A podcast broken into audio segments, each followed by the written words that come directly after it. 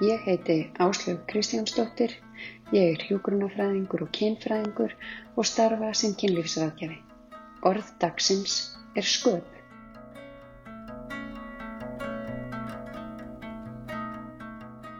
Orðið sköp hefur tvíþætta merkingu sem í mínum huga er samtvinnuð.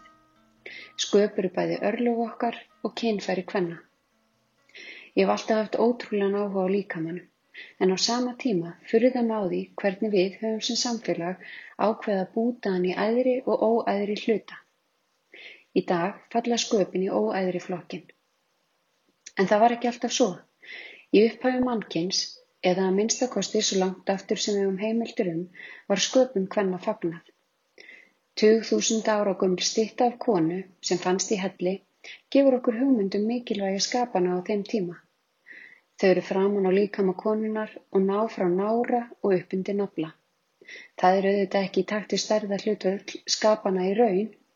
Þeim gefið mun meiri pláss á þessari styttu á þessum tíma en raunin er. Það er túlkun mín á þessum tíma hafi fólk verið tengdara mikilvægi skapa en við erum í dag. Þarna var mögulega tengingin sterkari milli skapa og örlaga okkar. Frá sköpunum kom öll sköpun, frá sköpun kvenna hefjast örlög okkar. Flest komum við heiminn í gegnum sköp móður. Mörgum öldum síðar upplifi ég að við höfum tapað þessari tengingu. Sköpun er orðin eitthvað sem við hefum ekki tala um. Þau eru svo óæðri að við tengjum hvorki sköpun niður örlög okkar við þau lengur. Þar með tapaðist kraftur kvenna að einhverju leiti. Í starfi mínu í dag hitti ég konur sem hafa tekið þetta samfélagsmein svo alvarlega að þær eru orðnar aftengdar sköpum sínum.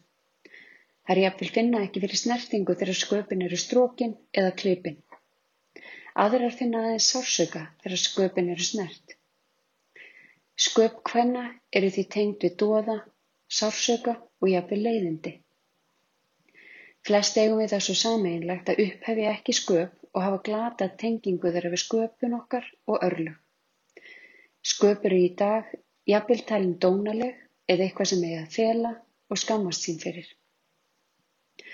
Það er ekki fyrir en konur tengjast aftur sköpunum að þær fara að stjórna örlugum sínum og finna sköpunarkraftin. Það er ótrúlegur kraftur. Það má því ekki vera þannig áfram að sköp séu álitin óæðri. Þau eru partur af líkamannum og þar býr kraftur hverrar konu. Enginn flýr örlöf sín og sköp muni áfram príða um helming mannkins. Vætum því að færa þau til fornrar fræðar, vera skapandi og skapa örlöf okkar. Það skiptir sköpum. Sköp, örlög, kynfæri kvenna.